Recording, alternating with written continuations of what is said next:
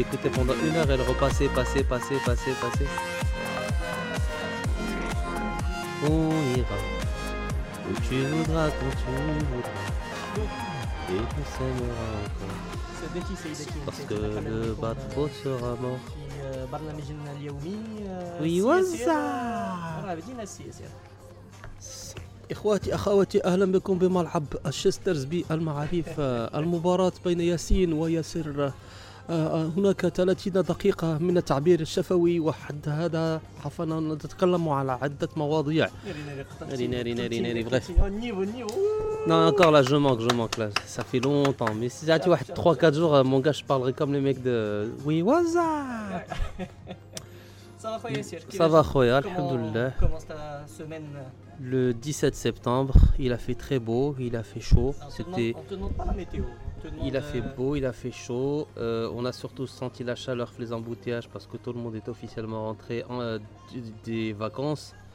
Donc euh, bienvenue à la PlayStation 3. Bienvenue aux embouteillages. euh, bienvenue à toutes les astuces que tu peux faire pour euh, conduire décemment sans te faire agresser, malgré toutes les bonnes musiques du monde. Pourquoi tu dis bienvenue? Là, parce que si on était à Tokyo, ça serait la PlayStation 8. Mais Casablanca, c'est que les camions et les motos, donc deux niveaux. Les boueurs, les- les Ken Ah, donc- des revendications j'ai lu un article sur euh, Tierney mm -hmm. disant que euh, voilà, la prime ben, mhm. où ils veulent renégocier leur contrat, leur salaire, etc. Largement mérité. Ah, je, Largement c'est, mérité. C'est quand même un, métier très ingrat. Mhm. Euh, j'ai vu des vidéos, effectivement, ils se lèvent à 4h du matin à India pour nettoyer. Oh. Ils finissent à 7h30, 8h pour que les joggers courent dans des conditions décentes parce que c'est quand même une très très grosse activité à 7h du matin. Si un jour tu conduis Mac, tu verras beaucoup de gens courir. Ils se reposent et ils reviennent à 4h pour renettoyer encore. Est-ce que, les politiques vont céder ou pas? Est-ce que Maline les budgets Est-ce qu'il y a les budgets où il n'y en a pas? Quelles sont les solutions? Euh, euh, est-ce qu'il faut passer au privé? Euh, je sais Alors, pas. Le maire de Casa, j'avais suivi un peu ça il y a 4-5 mois. C'est qui le maire de Casa déjà? Je sais pas, il faudrait peut-être qu'il Belna parce que ça c'est une très bonne réflexion. C'est Casper le fantôme. Mhm. Euh, donc le maire de Casa à l'époque, le nouvel arrivant ou l'ancien, je sais pas quoi, avait dit qu'il changerait de société de nettoyage parce qu'il n'était pas content. Et, euh, et d'ici là, euh, C'est le Omari, le maire de Casa, ah, by the way. enchanté Monsieur le maire, ça serait bien qu'on vous voit plus souvent à Casa. Wallah, ça serait bien. Zama, euh, on va pas se plaindre de tout, mais effectivement Yacine a raison. vu- tu as vu les photos un petit peu sur Facebook Je les ai partout, les hein. photos, mec. Ah, je suis passé à côté en voiture. partout. Et c'est pas fini, hein. c'est pas fini parce que euh, il y a encore des quartiers, genre Longchamp. euh, je passe devant Longchamp qui est censé être un quartier très propre. Bah, tu as des arbres et des immondices qui empêchent les gens de conduire. C'est-à-dire que tu es obligé de suivre sans Mais est-ce qu'il n'y a, pas un autre moyen de faire la grève que. Parce que le Casablancais, lui, il n'a rien fait. Pourquoi il devrait être puni Et ouais, écoute, Euh, regarde, Je vois par exemple, je donne l'exemple des Japonais, leur grève qui d'ailleurs. le brassard. Non, c'est il y a le brassard, il y avait ça. Mm. Mais par exemple, les conducteurs de bus ont fait grève. Et en faisant grève, ils ont continué à tra- travailler. en faisant, euh, En faisant les gens gratuitement. voilà, en- sans, faire payer les gens. C'est-à-dire la société Mm. perdait de l'argent, Mm. perdait de l'essence Et et, les tout. gens, oui, c'est intelligent. Mais ils n'ont leur service était encore top, c'est-à-dire C'est ils, intelligent. ils continuent. Donc il, ce qu'il faut pas trou- il faudrait pas trouver un moyen Mm. intelligent de faire la grève au lieu d'être toujours dans une euh, dans, dans un rapport de force Bah, euh, avoir Justement, je pense que les idées seront bienvenues. Donc, ça sera l'occasion justement de parler de notre, de donner nos, li- nos liens pour que les gens donnent des feedbacks. Ba- batboys.bureau@gmail.com instagram.com we are batboys et sur Twitter we are. Euh, bad boys bad boys What what, you gonna do? what you gonna do when they come for you J'aimerais bien un film 3 de ça, mais revenons les, les déchets. je crois que c'est prévu je, je pense que c'est prévu Hmm, Mais est-ce qu'il y aura encore euh, Will Smith et euh, Martin Lawrence. Martin Lawrence? Je pense qu'ils vont, soit ils vont faire une apparition, une apparition, Ah, donc le film il est cool. soit ils vont, ouais, euh, d'après notre producteur, ils vont peut-être être blancs. Ah non, ça c'est pas cool là, ça Mais je- j'ai beau vanilla ice tu vois. March, march. Donc, euh, ouais. alors, en blanc, tu imaginerais qui pour remplacer Will Smith et un mec drôle euh, Tatum, Shannon L'humour noir, l'humour noir à Sahabi, mais qui Bah, euh, ouais. En blanc, skin, mais il a déjà fait. Adam Sandler, il est pas drôle. Ouais, non, je pensais à Tatum, il mais il a déjà fait 21 James euh, Comment s'appelle le gars là qui fait des apparitions dans tous les films? Will Farrell. Ouais. Ouais, ouais. Mais il a, il a déjà fait euh, Starsky Hutch, non? C'est pas lui qui a fait Starsky Hutch? Il, a fait, il y avait Owen Wilson. Ouais. Bah, je me rappelle plus non plus. Et, et Tatum, il avait déjà fait euh, 21 James Street, donc euh, je saurais pas. Il, saurais a fait, pas, il a fait aussi euh, Magic Mike. Donc voilà quoi. Donc, est, bon, bref. Ah, est-ce qu'il y a des comiques blancs, Zama C'est vrai que les blacks en ce moment, c'est eux qui cartonnent. L'humour blanc, il y a Gad Elmaleh. Non, je te ah. Je le verrais bien en Bad Boys avec Jamel. D'ailleurs, Jamel a fait le Ala 2. Ça, ça, serait, il fait Ala avec. Ça, euh... ça, serait, ça serait une parodie. Euh, ah, ils ont simulé le baston à l'aéroport mm. d'ailleurs avec euh, Kev Adams pour Zama en réponse à. À Booba et. Machin. Mm. Ils ont simulé un truc. Ah ouais, j'ai pas vu ça. C'est sympa. Non, mais s'il y avait Jamel Debbouze et Gad ça serait ah, une parodie d'un film comics qui, qui, mmh. qui, qui n'existe pas. Ah, à Casa Ah, ناريهم purée. مصيبة. non, mais c'est vrai, en acteur américain blanc. Il y a Riyad Jamel qui se produit à Casablanca en octobre. Parenthèse. Ouais, ouais, ouais, bien sûr, c'est c'est Énergie qui lance ça. C'est une D'ailleurs, on لكم على les tickets, Inch'Allah. Ouais, ça serait cool. parce Ah, que, je vous démerderai des tickets. La vérité, parce que. euh, ما تخافش ما تخافش J'ai شيء. j'ai fait l'approche, mais j'ai pas encore posé. على على حسابي على حسابي آه لا كيف قلت لك qu'est-ce qu'il y a comme acteur américain blanc comédien comme tu as dit tu as Adam Sandler, non Adam Sandler Will, ouais. Fer- Will Ferrell est terrible. Mhm. Owen Wilson. شوية. Euh, سميتو هذاك Jackie, الطويل Vince Jackie, Vaughn. Vince Jackie Vaughn. Chan bon il est jaune il est pas Vince vraiment Vaughn. blanc Euh, Vince Vaughn, tu sais qui c'est non je vois pas du tout هذوك يوم في ذاك ويدين كراش تيدخلوا لشي عرس وتيخ- تيخربوا العرس oui oui oui oui je vois très très bien oui oui c'est vrai qu'il est drôle c'est vrai هذاك qu'il مسخوط الوالدين euh, il est frite ouais je lui il pourrait bien euh, il pourrait bien passer Mm. donc euh, ah oui, ça c'est la vidéo de Jamel Debbouze avec euh, Gad Elle, est sympa. Elle est vraiment sympathique. Mais Gad Elmaleh, Kev Adams sur l'aéroport. D'accord, d'accord. Très bien. Très, très, très, très bien. Et... Euh, euh, tu, tu m'avais parlé de films sympas qui allaient sortir. Alors deux films, un qui sort et un qui est sorti que je recommande, un que je recommande vivement qui s'appelle Ocean's 8. Évidemment, on, en a, déjà parlé. Tout le monde a vu, non mais tout le monde a vu. On n'en avait pas parlé parce que tu l'avais pas vu. Oui, Et quand tu l'as vu, on a on a effleuré le sujet vite fait. Hmm, tout à fait. Donc effectivement, euh, ceux qui ont vu Ocean's 8, euh, Ocean's 11, Ocean's 12 et Ocean 13, donc Monsieur Georges Clooney et Monsieur Brad Pitt, bon on fait, euh, on fait- Brada Pitt. Brada Pitt. Pitt Brada, c'est un facile, Brad Mhm. Pitt, hein, vous le saviez pas. Anna, je m'appelle Brad Pitt et je vais vous faire Ocean's 13. Tu- on va, on Et va, donc, on va faire on fait une une réglementation. Là, là, on arrête cet axe. Je, je pourrais pas tenir 5 minutes. Là, tu sais quoi, moi je vais tenir 5 minutes, je vais parler comme ça plus facile. Ah non, non. Ça fera partie de l'émission. Ah Aujourd'hui, mais je pourrais plus être te démerdes. Ah non, je vais, je vais, écoute-moi bien. je vais être mort de rire. Je vais être mort de Arrête, c'est ton problème. Ah. Je ne peux pas cautionner des règlements de compte intergalactiques. Ah, Je tu- vais m'exprimer uniquement en facial Alors- pendant alors, 25 moi, alors minutes. moi je vais parler berbère ديك الساعه عمرك Ok. شتي به فاسي كيهضر بالشلحه وانا Ah, عمرك شي فاسي تهضر بالانجلي آه، شتو Ah, ok. شتو ريتي هذيك Bon, de المره toute façon, je vais continuer à parler comme ça. Donc, je Sept, disais, sept. le film, le film de Brad Pitt. Hein Laisse-moi euh, présenter Ocean's 8, s'il te ناري- plaît. ناري- ناري. Donc, Vas-y, je continue. disais donc Ocean 11, 12 et 13. Mhm. Il y avait les garçons. D'abord, Sandra Bullock dans le film, c'est la sœur de Monsieur Danny Ocean. Monsieur Danny Ocean qui est Monsieur George Clooney. tout à fait Donc le film est très sympa, on va arrêter de faire les cons, mais je, je vais le sortir de temps en temps pour Mm. faire des surprises. Donc le film est très sympa, euh, c'est une espèce de, de film d'action à la Ladies. Il y a des meufs que vous connaissez pas du tout, genre Rihanna, genre Anne Hathaway qui est absolument moche, mais moche, mais moche, plus moche que ça, tu peux pas imaginer. Euh, Il y a une super actrice Sandra qui est la blonde, qui Sandra Bullock Sandra Bullock oscarisée. Euh, actrice principale Sandra Bullock, euh, elle, a un autre- Mon- Il y a un mime que je, que, je décode, que je décode pas dans mon producteur là. C'est ironique. c'est du sarcasme ironique, euh, mon ami Euh, Rihanna, personne la connaît aussi. Hein.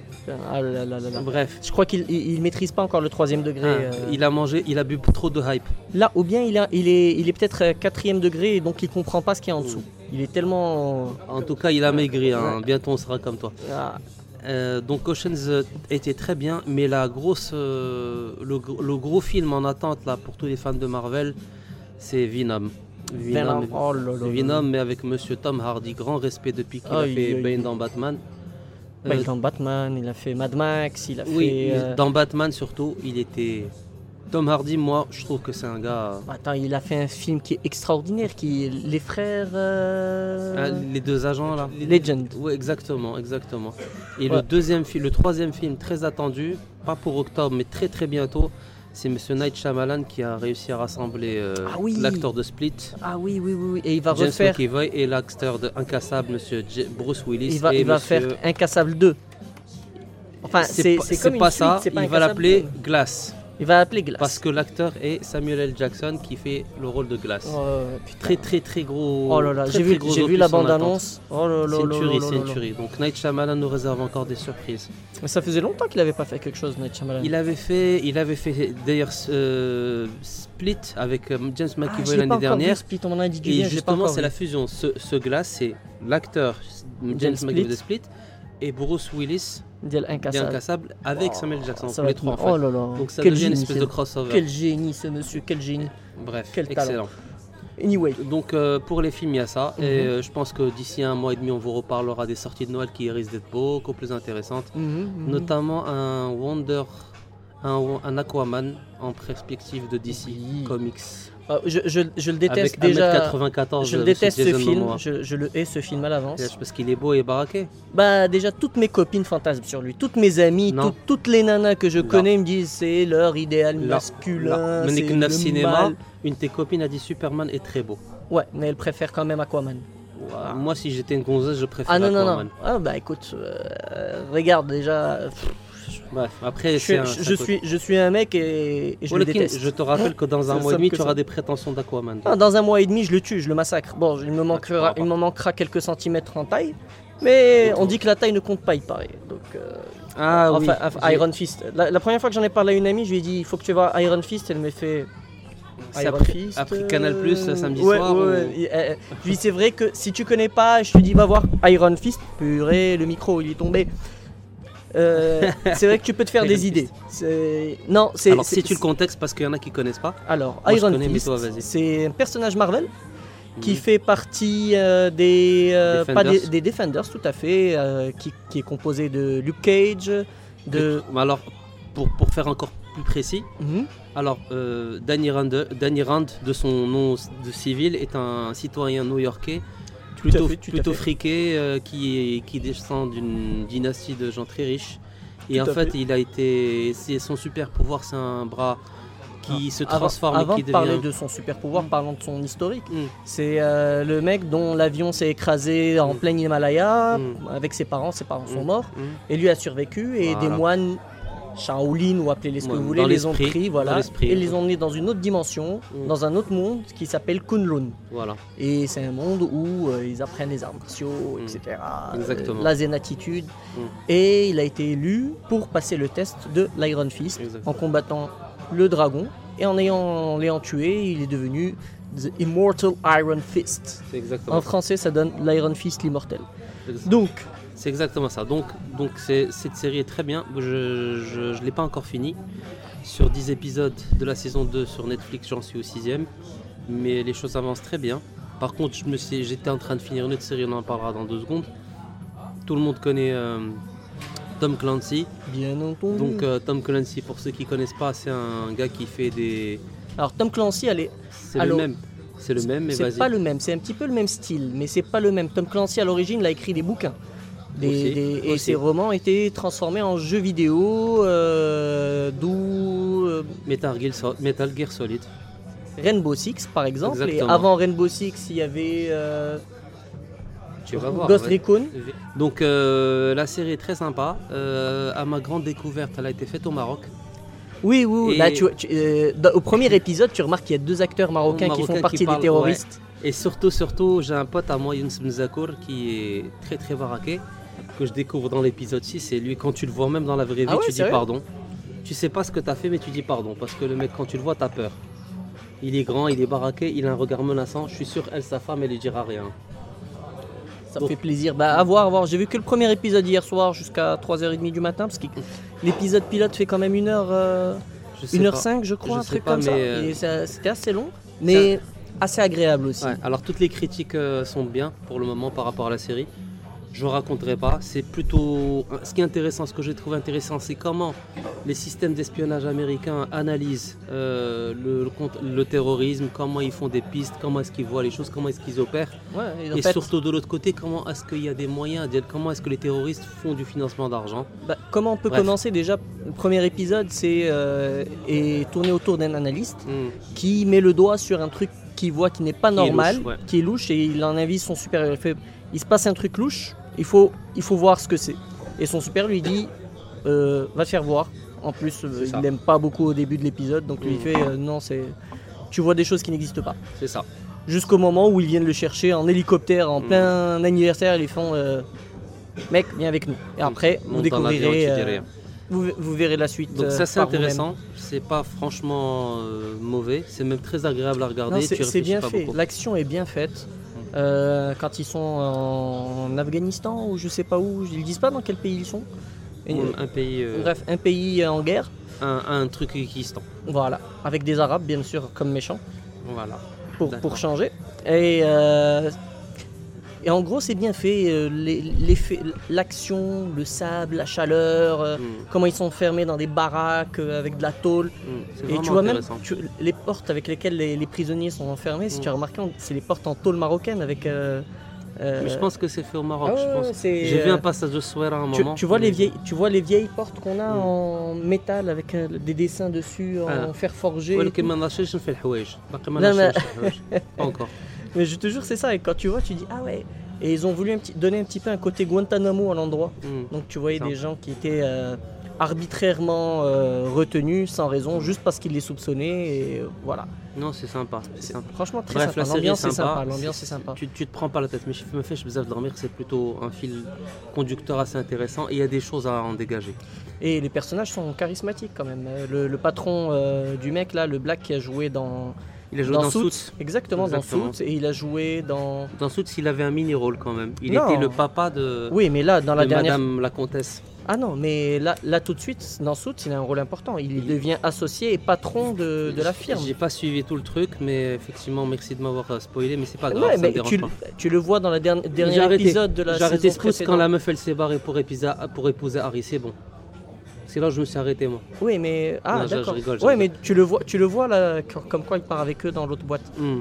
Et donc, et il a joué beaucoup de séries comiques aussi. Il a joué avec euh, Ouais. Matthew Perry, le personnage de, de Friends, celui qui faisait Oui. Chandler. Il a joué avec lui dans sa série à lui Exactement. où euh, Exactement. il faisait son pas son impresario, mais son agent. Hmm. Ouais. Et donc c'est, euh, il a, il a plusieurs casquettes. Le mec, il joue bien. Franchement, il Bah se débrouille ouais. pas mal. Bah, ils sont pas mal. ils sont Hmm. pas mal. Et il a bien perdu du poids pour le, pour Mm. le rôle aussi. Alors, dernier film, pardon, j'ai oublié un film, euh, vite fait, très comique, très drôle.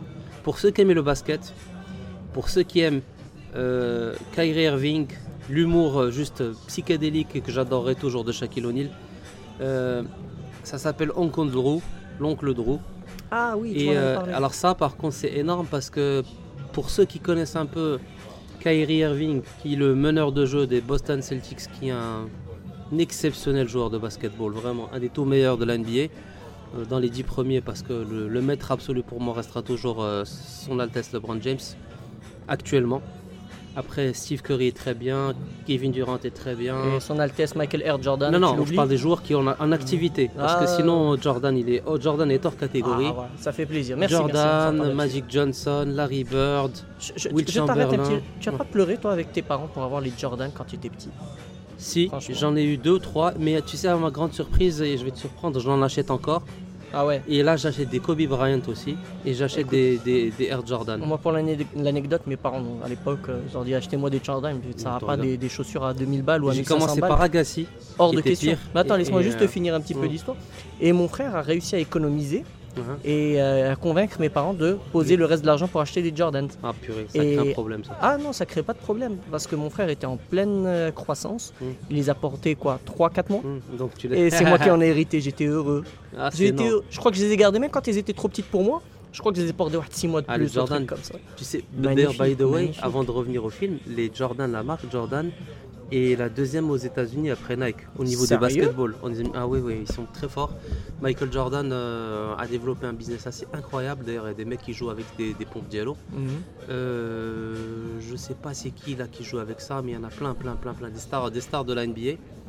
Bref, donc Michael Jordan. T'imagines une, une marque de paire de pompes à ton nom Mais, mais c'est ça. Les c'est ça. Yassir Benani. Non, non, mais LeBron James fait ça, Mm. Kobe Bryant Ah, fait je ça, sais, Kevin je Durant sais. fait Mais ça, ça. c'est le summum de la réussite. Euh, Quand, Paul George fait ça. quand une euh, marque veut donner ton nom à un produit, c'est le summum de. Roger Federer a fait ça avec Michael Jordan pour, Mhm. une, des- pour une, des- une paire de tennis euh, basket qui s'appelait Air Vapor. Ah, bref, euh, Cristiano Ronaldo euh, touche un peu des pourcentages sur ses Nike, avec D'accord. euh, bref Neymar aussi. Donc pour revenir euh, au film, donc Kyrie Irving est un super joueur de basket, blablabla. Et donc il a fait à un moment des pubs de Pepsi. Et les pubs de Pepsi, c'est qu'en fait il est vieux, genre le mec gaz, il te franchement, à peine il marche, il a des mal au dos, des courbatures, des chichis Et en fait, dès que tu lui donnes un, basket- un ballon de basket, au début il est un peu rouillé, après il commence à faire des dunks, je l'ai vu cette vidéo, elle a fait le buzz sur internet. Il y en a eu trois. Ouais. Il y en a eu trois. La première a tellement bien marché que Jabou Tchania, Jabou fait à Kevin Love, qui est le pivot de Cleveland. Et ils ont ramené, ils ont après Liza Leslie, ils ont ramené euh, Robinson, Nate Robinson, qui est un monstre aussi. Dans le film, tu as. Tu as les mecs ados, en fait, c'est le même délire. Un mec doit sauver un playground où il touche 100 000 dollars, il appelle des potes. Donc tout le monde lui parle de Uncle Drew. Mhm. Donc il va chercher Uncle Drew qui est très old fashion, genre les années 80, 90, de la musique soul, du rap, euh, au début, euh, genre de, de la funk. Et il ramène qui Euh, Notre copain, il ramène Chris Weber, super joueur, Nate Robinson, super joueur, Reggie Miller, un champion du monde des 3 points. Et surtout, il ramène Shaquille O'Neal. Shaquille O'Neal, pour ceux qui suivent un peu la NBA, c'est un malade mental.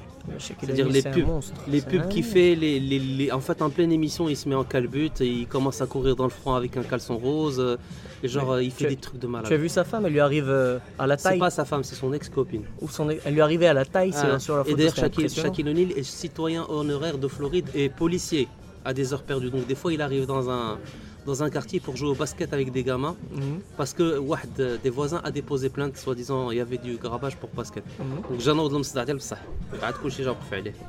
Donc le film est très bien, euh, il est assez simple à regarder, du basket de malade mental.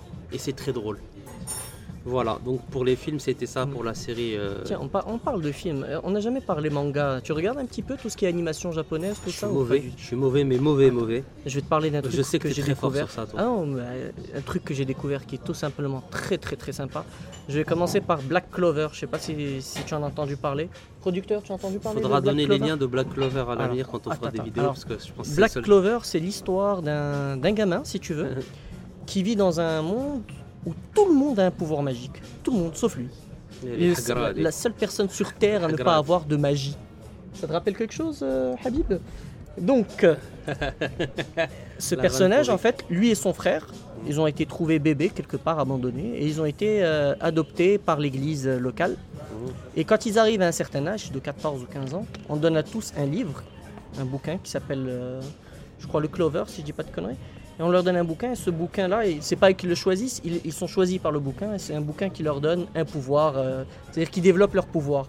Et euh, le livre est vide, et il s'écrit au fur et à mesure qu'ils développent leur pouvoir. Dès qu'ils ont un peu plus de pouvoir, si tu veux, plus ou moins. Et le, et le héros, vu que tout petit, il a jamais eu de pouvoir, et il est sûr qu'il va en avoir un jour, et il n'arrête pas. Un Mais en fait, il s'entraîne physiquement. Il se donne à fond physiquement. Le mec, il fait 3000 pompes, euh, il fait des trucs de malade, les pompes la tête en bas et tout. Donc, il a complètement développé son côté physique. Par contre, il n'est pas forcément super intelligent. Est- C'est une, c'est une brute un petit peu, euh, mais avec beaucoup de cœur. Et il veut tout le temps se comparer à son frère, qui lui, naturellement doué euh, de magie, mais truc de ouf. Tout Hmm. est facile pour lui. Et le jour où ils doivent recevoir leur bouquin, lui n'en reçoit pas. Et il reste comme un con devant tous les gens de, de son âge qui en a. Alors que son frère, il reçoit le, le bouquin le plus rare qui existe. C'est un, bouquin avec un trèfle à quatre feuilles. Parce que le clover, je crois, ça veut dire trèfle en anglais. Tout le monde reçoit un bouquin avec un trèfle et lui, il reçoit le bouquin le plus rare, le trèfle à quatre, à, Mm. à quatre feuilles. Donc en sortant un petit peu, je vous raconte un petit peu le premier épisode qui donne envie de voir la suite. En sortant de... Ça, ah, tu regardes ça où Juste pour Je regarde ça en streaming sur internet, ça sort chaque semaine, euh, je crois tous les, torrent, tous les mardis euh, soirs. C'est quoi C'est un streaming Moi je regarde en streaming sur, Clover, des- sur. DP Stream, ça sort tous les mardis. Et en, et en gros, euh, quand ils sortent, son frère, celui qui est, qui est un super magicien, se fait attaquer par un magicien de ouf quand il a vu qu'il avait un livre super rare, il voulait lui voler son livre. Et donc il se faisait malmener. Et le, le jeune, sans magie, vient protéger son frère. Et vu qu'il est acculé, il est tellement en colère que un livre apparaît de nulle part, ça devient le sien. Et ce livre a un trèfle à cinq feuilles. Ils n'ont jamais vu ça. Ils savent pas d'où ça sort. Tu vois une ombre démoniaque sortir derrière lui. Et en fait, de son livre sort une épée. Je vais regarder ça. Et c'est une épée d'anti-magie en fait. Son épée annule, toutes, les magies qui existent. Style, tout le monde a de la magie et lui il fait Je t'annule, je t'annule, je t'annule. Un, truc. Euh, comment tu appelles ça? un jeune. Mhm. Gallo, tu as trois vœux, vas-y, exauce, machin. Gallo, le premier, j'avoir tout l'argent du monde. Le deuxième, Gallo, toutes les femmes du monde. Un truc, machin. Tchalta ou Gallo, tchalta. Zamal.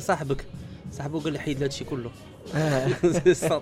هي هادي زعما خرج Il a حيد لي حيد لي داكشي كله عطيه ليا. قوس عليه هذاك لي 5 داك لو تريفل à 5 feuilles genre il a annulé le pouvoir de toute la communauté Donc le mec محجور de partout et il a de quoi défoncer tout le monde. Puisqu'il peut annuler les magies de tout le monde. C'est Mais énorme. il est quand même très très très très très balèze parce que ce qui le fait gagner, ce qui lui fait avancer, c'est sa volonté. Il a une volonté de ouf. C'est le Ah, mec qui d'accord. n'abandonne pas, qui se donne à fond, qui.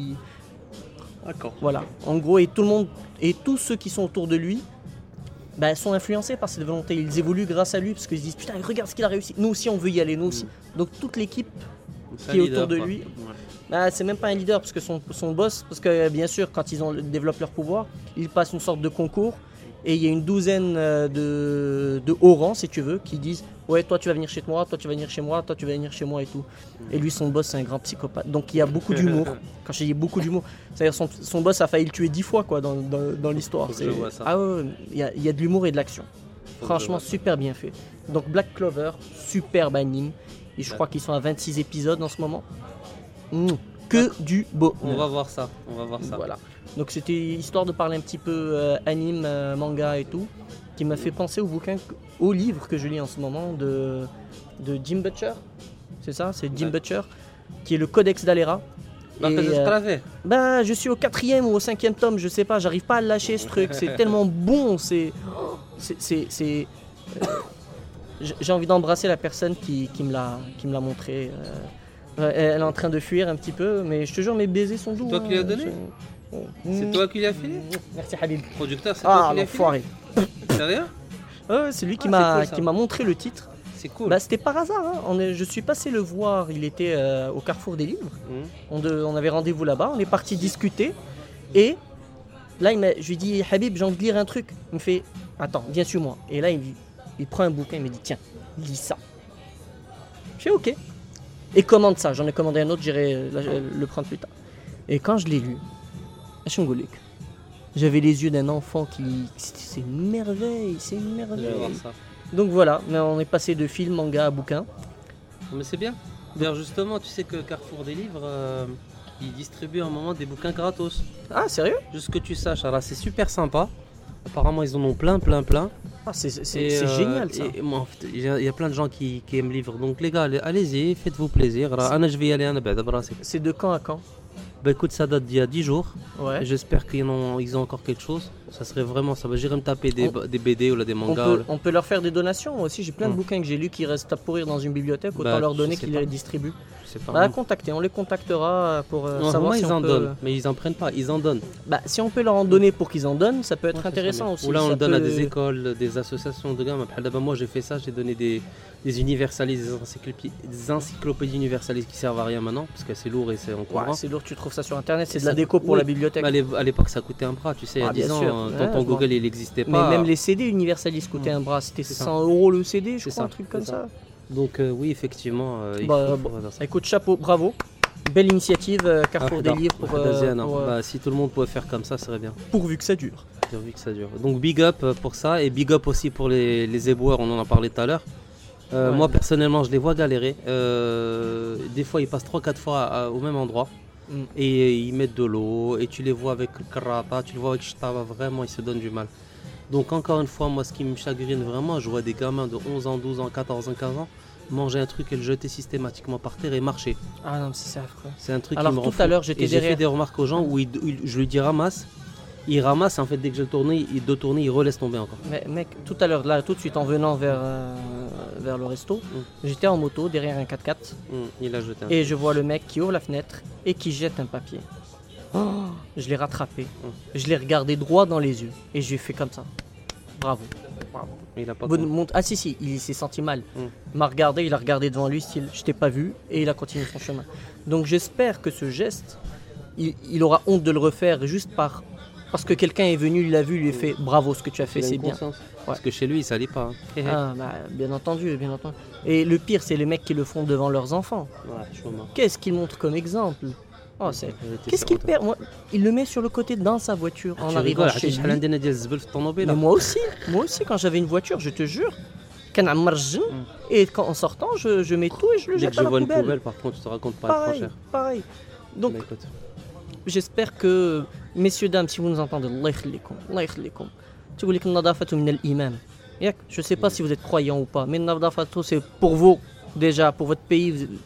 Vous allez à la plage, vous n'avez pas, envie de venir vous asseoir sur un morceau de verre, vous n'avez pas envie de venir et trouver des papiers. Ah, c'est les vôtres. La veille, ah, bah, hier, c'était la journée mondiale de la protection de l'environnement. Bah, euh, écoute, il faudrait que ça soit tous les jours ici. Pas un article, euh, je lisais un article de euh, Zero qui est une, ONG marocaine, où le, responsable de l'ONG Mamondrilla, pour le citer, mhm. expliquait que 40% des déchets des plages pouvaient être enlevés. Bah, 40% plus que 40%. Voilà, quoi. Donc, les gars, moi, moi je, vais à la plage des fois pour essayer de surfer. Essayez, je dis bien essayer parce que j'y arrive pas encore. Euh, je vois les mecs comment ils nettoient les plages. Des tas de fois, des gens que tu connais pas, des associations, ما تعرفهمش. تيعاونوا les éboueurs تيجيو ميكا ديالهم وتيلوحوا الزبل. Deux heures après عندك الحاجة الله يهديها كلات آه، شي لعبة صافي تشمشات سرحات رجيلاتها نايضة تتخلي الزبالة تمشي بحالها. D'ailleurs, je, je- je trouve que ça serait sympa qu'il y ait des, des flics de l'environnement. Mais normalement, Ça il y a serait- ça, ça il y a serait ça. Mais malheureusement, c'est. J'étais à la plage, j'ai vu une nana Mm. avec ses enfants. Elle a fini son, son coca. Mm. Yak, elle- ils étaient en train de manger. Elle a pris la bouteille, Mm. elle l'a jetée devant ses gamins.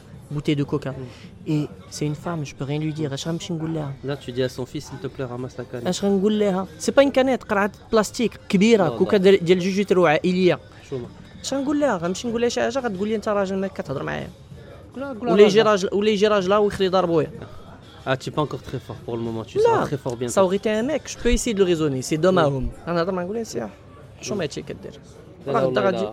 Mais c'est une femme, qu'est-ce que tu vas aller parler à une femme, euh, surtout euh, chèvre, elle va très مشكلة mal le أخرى- prendre. مشكلة تقول لك tu أخرى. m'as agressé, غتجي تقول لك tu m'as آه. agressé. احنا ديالنا لا قلتي له شي حاجه سي كوم سي تو لي دون كور ما- دونك هو مسكين زعما ما تيديرش الزبايل Ouais, mais ما tu عندناش. هادشي هذا الله Oh, هضرنا environnement. On a parlé. J'espère j'espère que, Alors, que les dernière choses vont grosse s'améliorer. surprise. Dernière grosse surprise que je. et alors il y a un truc que j'ai lu mec qui m'a rendu fou. Mhm. Euh, je vais essayer chaque fois qu'on fera un podcast de donner une info qui est insolite. Et celle-là, celle-là mm, arrête de me parler comme ça. Arrête, tu vas me perturber, je vais encore une fois prendre mon accent. Donc euh, l'info elle m'a fait chier, elle est parce que je suis tombé sur un article qui explique que 37% des, des suicides euh, de femmes dans le monde, 37% sont uniquement en Inde. Sawarasat. Vrai en Inde. Artiste, je crois que c'est Uqouba de naître euh, femme en Inde. Je crois que c'est quelqu'un qui. Toutes les meufs qui se plaignent du Maroc, je veux bien que vous plaigniez du Maroc, mais allez pas ah, en Inde quoi. Non, il faut pas réfléchir comme ça, il faut se comparer à un meilleur que yeah, C'est vrai, je veux bien. Alhamdulillah, mais surtout, si tu fais des gestes de civilité, alors tout peut bien se passer, t'inquiète pas. D'ailleurs, la, loi vient de sortir il y a. Ouais, une non, semaine. Encore faut-il qu'elle soit appliquée. cette loi. appliquées et que justement, euh, que justement les choses. euh, moi, je veux bien que des mecs prennent perpète ou là, des prennent d'emprisonnement quand ils font des, euh, des- quand ils emmerdent les femmes dans la rue. Ça serait bien. Ouais. En Tunisie, t'as pas ça, chef. Je un mot. Tunisie, t'as pas ça. Je comprends. je Voilà. comprends. Donc voilà, voilà. On a parlé depuis quoi Une trentaine de minutes, c'est ça? Ouais, ouais, ouais, ouais. C'était sympa. J'ai pas soif spécialement, mais je pense qu'on a dit de jolies choses. On s'affinera. Euh, on vous a donné les liens euh, euh, de Twitter, on vous a donné les liens, tout ce qu'il fallait redonner, on vous les redonnera avec plaisir. Twitter.com slash we are the bad boys collé. Instagram.com we are the bad boys évidemment. Et l'adresse email bat.boys.bureau gmail.com. Les gars, euh, Quel homme, quel homme, comment tu- tu parles bien podcast. Arrête de me perturber. Ça avait quel talent. Donc c'est aussi votre podcast. Pour le moment, on n'est pas très connus parce que nous sommes les Bad Boys. Le jour où nous serons les Bad Boys, vous comprendrez parce qu'évidemment vous nous suivrez au fur et à mesure des aventures et vous comprendrez à quel point ça vous fera du bien de, de suivre nos aventures parce que vous serez vous aussi peut-être des Bad Boys et des Bad, Boy- bad Girls. Et euh, je vous fais des bisous. Euh, euh, Pas peux- avant de faire des bisous, tu as dit on n'est pas encore connu, parle pour toi. Moi, je suis connu. Euh, moi je suis quelqu'un qui rase les murs et je... Ah, tu rases les murs, tu es encore plus connu que moi. Je ne sais pas ah, que tu es Arrête, arrête, La modestie. Alors, alors, petite, petite anecdote très drôle. Yalla, ma belle-mère, ma belle-mère hier, en plein, en, plein dîner, me dit, tu sais quoi, j'étais chez, chez une dame qui te euh, le قالت لها ايوا قالت لها فين بوستيتي قالت لها بوستيتي في ايفينمون قالت لها عند بن الاخرى قالت لها عند بناني قالت لها عند بناني سي ترو درول genre la meuf elle me dit C'est ça énorme. j'étais c'est par énorme. terre j'ai dit je suis célèbre mais je gagne pas un copec Et Voilà. Delary, euh, dernière info aussi, la, la semaine prochaine, c'est le Salon international du sport et des loisirs. On sera certainement là-bas et euh, on s'occupera de la partie gaming avec énergie. Mm. On va organiser un tournoi de jeux vidéo sur euh, FIFA. Donc libre à être oh. Il y a des trucs à gagner? Ben, il y a un cash price à gagner pour le moment, peut-être d'autres cadeaux, on ne sait pas encore. Donc euh, libre euh, je fais très mal l'accent fassi, bien que je sois fassi euh, d'origine et de nom, mais que de nom, parce que je n'ai rien d'autre de fassi. Tu ah, suis né à Casa comme moi, Je suis né à Casa, ma grand-mère est chilha. Euh, le pire c'est que quand tu as le fassi, je deviens allergique. On est de Marrakech, hein Si je deviens allergique, imagine. Non, je ne dis نقول لك حوف Écoute, c'est- j'ai rencontré واحد لانا واحد النهار زوين la vérité. mais elle parlait de fessier tu as Elle a refusé. parlé à Fessia, j'ai T'as fait je, demi-tour. je me suis ماشي j'ai fait demi-tour. ضربت لقاتني غبرت. Euh, C'est Non, imagine, euh, c'est pire, attends, j'ai mieux. imagine qu'elle soit jolie et qu'elle te dise Salam alaikum, la baisse, elle est croyable. Mais فين وصلتي؟ Ouais, في- وص- مشيت راه وصلت Mexique. لفرنسا. آه. Mais ça m'est arrivé même en France, hein. طحت مع وحده très très très très jolie. واحد l'accent marseillais mais à couper au couteau au sabre. Alors, comment ça va Oh, je, je suis très mauvais en imitation, je suis très très très très mais c'était pas joli. Ah, ça va être le challenge, un des challenges, c'est c'était imitations. Là. Très très très très Là là, ouais, j'ai perdu l'avance, j'ai Franchement, Franchement, et tu écoutes pas Francis Cabrel? Aussi j'écoute Francis Cabrel. L'enfant sur les galets. La cabane au fond des jardins. Ah, Hadak, il il prend des champignons magiques pour la chanson. Et encore, champignon magique et tu es très gentil avec lui. Là, la vérité, Il, il Ouais. est, il est bien respiré. ah, il, il, Respect, Francis, si tu nous entends de ta cabane, là au petit Omari Rose sur, la cabane du fond du pêcheur. Absolument, absolument. Bon, les amis. Les boussettes. Gros bisous à vous et on se retrouve, Inch'Allah, pour le premier prochain épisode. Beatbox. Yeah. Yes, here in the place. Attends, on va faire ça.